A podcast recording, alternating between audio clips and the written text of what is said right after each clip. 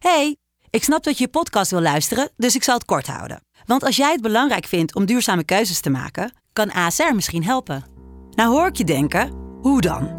Nou, bijvoorbeeld bij het duurzaam herstellen van schade. Of de premies die we beleggen volgens ons duurzaam beleggingsbeleid. Dat bepaalt waar we wel en juist niet in investeren. Wil je meer weten over welke duurzame keuzes ASR maakt? Ga dan naar asr.nl slash duurzame keuzes. ASR doet het. Zo, dan kan je nu lekker naar je podcast luisteren. De stroom. Iets nieuws, nieuws, nieuws. Iedere werkdag voor dag en dauw staan Maxim en René reten vroeg op.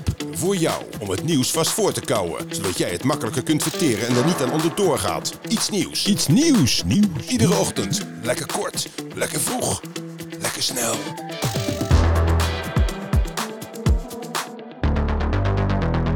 Goedemorgen. Goedemorgen. God René, ik wil je even de complimenten geven dat je er toch maar elke ochtend zit. Wa- ja, jij ook. Ja, oké, maar goed. eh, ja, ik ben een oude, oude man. Ik word vanzelf al vroeg wakker. Maar jij bent toch eigenlijk een soort pubertje, piepkuikentje. En je staat toch maar voor dag en dauw op om al het nieuws te verzamelen. De techniek eh, allemaal in orde te brengen. Even mijn complimenten. Nou, dankjewel. Ja. Wat lief. Hey, ik ga vandaag terug naar Nederland. Ja. En eh, dat betekent dat ik Portugal vaarwel wil zeggen. En dat zou ik graag willen doen met een, met een kleine fado. Oké. Heb je wat muziek? Ik heb wat voor je klaargezet. Ja, ik heb geen tekst, maar ik verzin wel wat.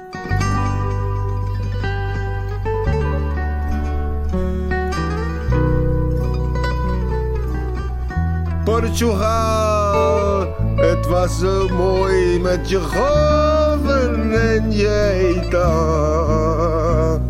Ik ga weer naar huis toe. Bedankt voor de bloemen. Zoiets? Heel mooi. Ik vind het echt eh mooi bonito. De nada. Heb je verder een goed weekend gehad daar in Portugal? Enorm goed. Gisteren was ik in een soort eh, uitgaansgebied. Vannacht bedoel ik. Ja. En eh, ja, er was één grote chaos. Ik, ik stond gewoon op straat even te wachten. Toen kwam er drie keer een gast naar me toe van... cocaïne, cocaïne, you want coke? En? Nou, ik heb het niet gedaan. Want ik hou niet van uh, koken, omdat ik al zo druk van mezelf ben. Als ik kook opneem, heb ik één keer gedaan. Dan heb ik drie gasten tegen, tegen hun zin eh, kaal geschoren met een de tondeuze. En een heel studentenhuis met chloor schoongemaakt. Van der Poel, Mathieu van der Poel, een belangrijke wielrenner. Ja, grote wielrenner. Een hele belangrijke, talentvolle jongen. Ja, die wint echt eh, wereldkampioenschappen en zo. En die heeft in zijn hotel een, een stel ja, tienermeisjes in elkaar gebeukt. ja, hij had een WK, hè, zeg maar. Ja. En dat, dat heeft hij dus gemist gisteren. Op zondag was er een hele belangrijke wedstrijd. En op zaterdagnacht Ja, WK. werd hij daarvoor opgepakt. Nou ja, in elkaar gebeukt is wat sterk aangezet. Nee, hij heeft ze een beetje geduwd. Ik heb het ook gehoord en gelezen. Het waren twaalf, eh, twee meisjes van 12 en 13, dacht ik. Die gingen op de deuren lopen bonzen. Ja, Nou, nou snap ik wel dat je dan op een gegeven moment denkt... ja, godverdomme, nou is het genoeg. Juist. Maar goed, ik heb zelf wel eens een, eh, ook wel eens een fitty gehad met eh, dat soort leeftijd eh, meisjes. Ja. Toen had ik iets gezegd over Nicky Tutorial. Toen kreeg ik Ja. ook een soort leger van 12, 13-jarige eh, ja, monsters, heksjes achter me aan. En ik snap Van de Poel wel, want dat zijn, dat zijn echt gewoon echt nare wezentjes. En hoezo ga je s'nachts op, op fucking hoteldeuren bonken? Ik zou ook meteen gaan, gaan terugbeuken.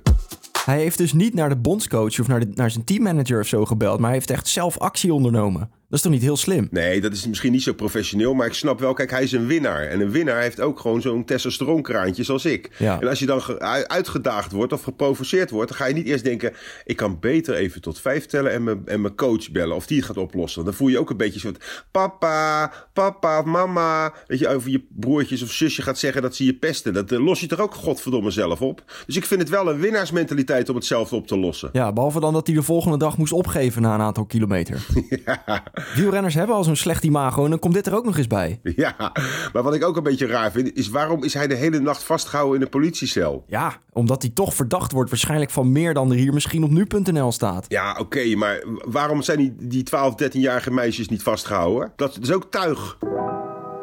Met memes en grappige video's probeert het online collectief NAVO met een F de strijd in Oekraïne te beïnvloeden. Ja, dat is grappig, hè? Dat je dan gewoon eigenlijk... Je denkt social media, wat, wat voor invloed heeft het? Behalve elkaar eh, ophitsen en haten. Ja. Maar nu heeft het dus ook invloed op de oorlog. Want ze, ze, hebben, ze, hebben, ze hebben een soort organisatie opgericht. En wat doet die precies? Ja, de NAVO dus, de North Atlantic Fellows Organization geloof ik. Ja. Wat ze doen is, ja, je kan bijvoorbeeld stickers kopen of, eh, of memes zelf geloof ik, plaatjes sponsoren en die plakken ze dan bijvoorbeeld op een tank.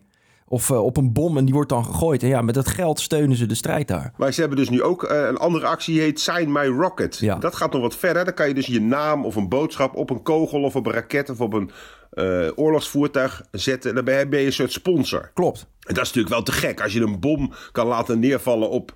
Nou ja, het is ook weer een beetje hard eigenlijk. Maar op, op mensen. En dat, dat jouw naam erop staat. Van kusjes.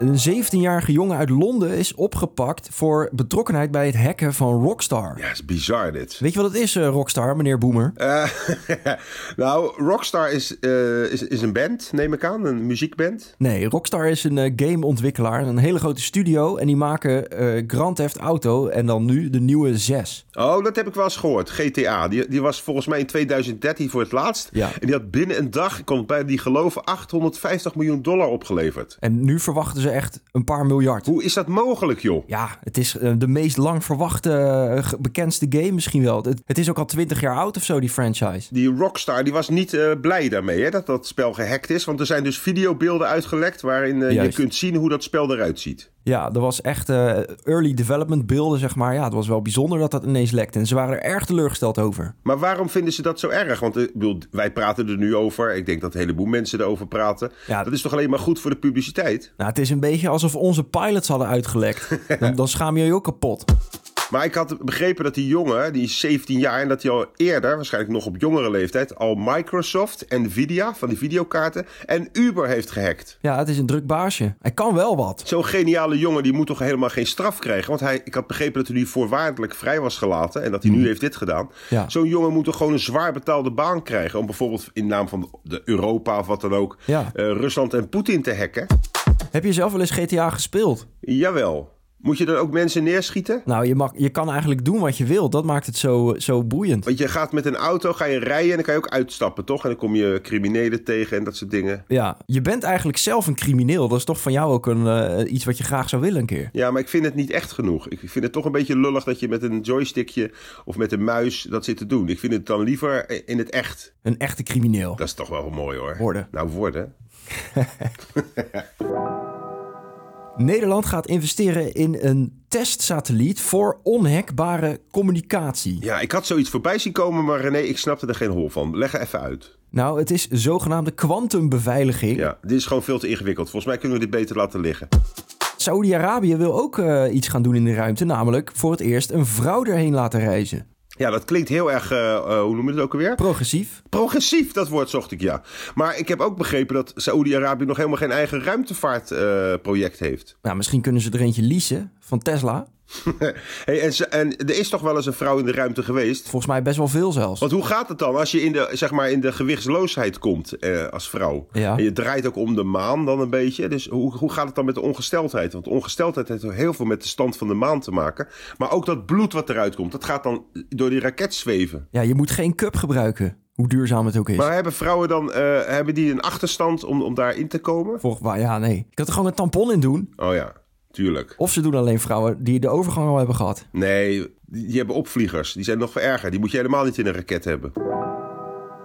Een bakker in Schiedam is aangehouden omdat hij 4800 cookies, space cookies eigenlijk had liggen, gevuld dus met cannabis. Nee, ik dacht met hennep. Dat is toch hetzelfde, wiet? Wat moest hij daarmee dan? 4800 koekjes. Dat is echt fucking veel. Nou ja, maar hoeveel, hoeveel, hoeveel cookies zouden er doorheen gaan in een weekend in een beetje een studentenhuis?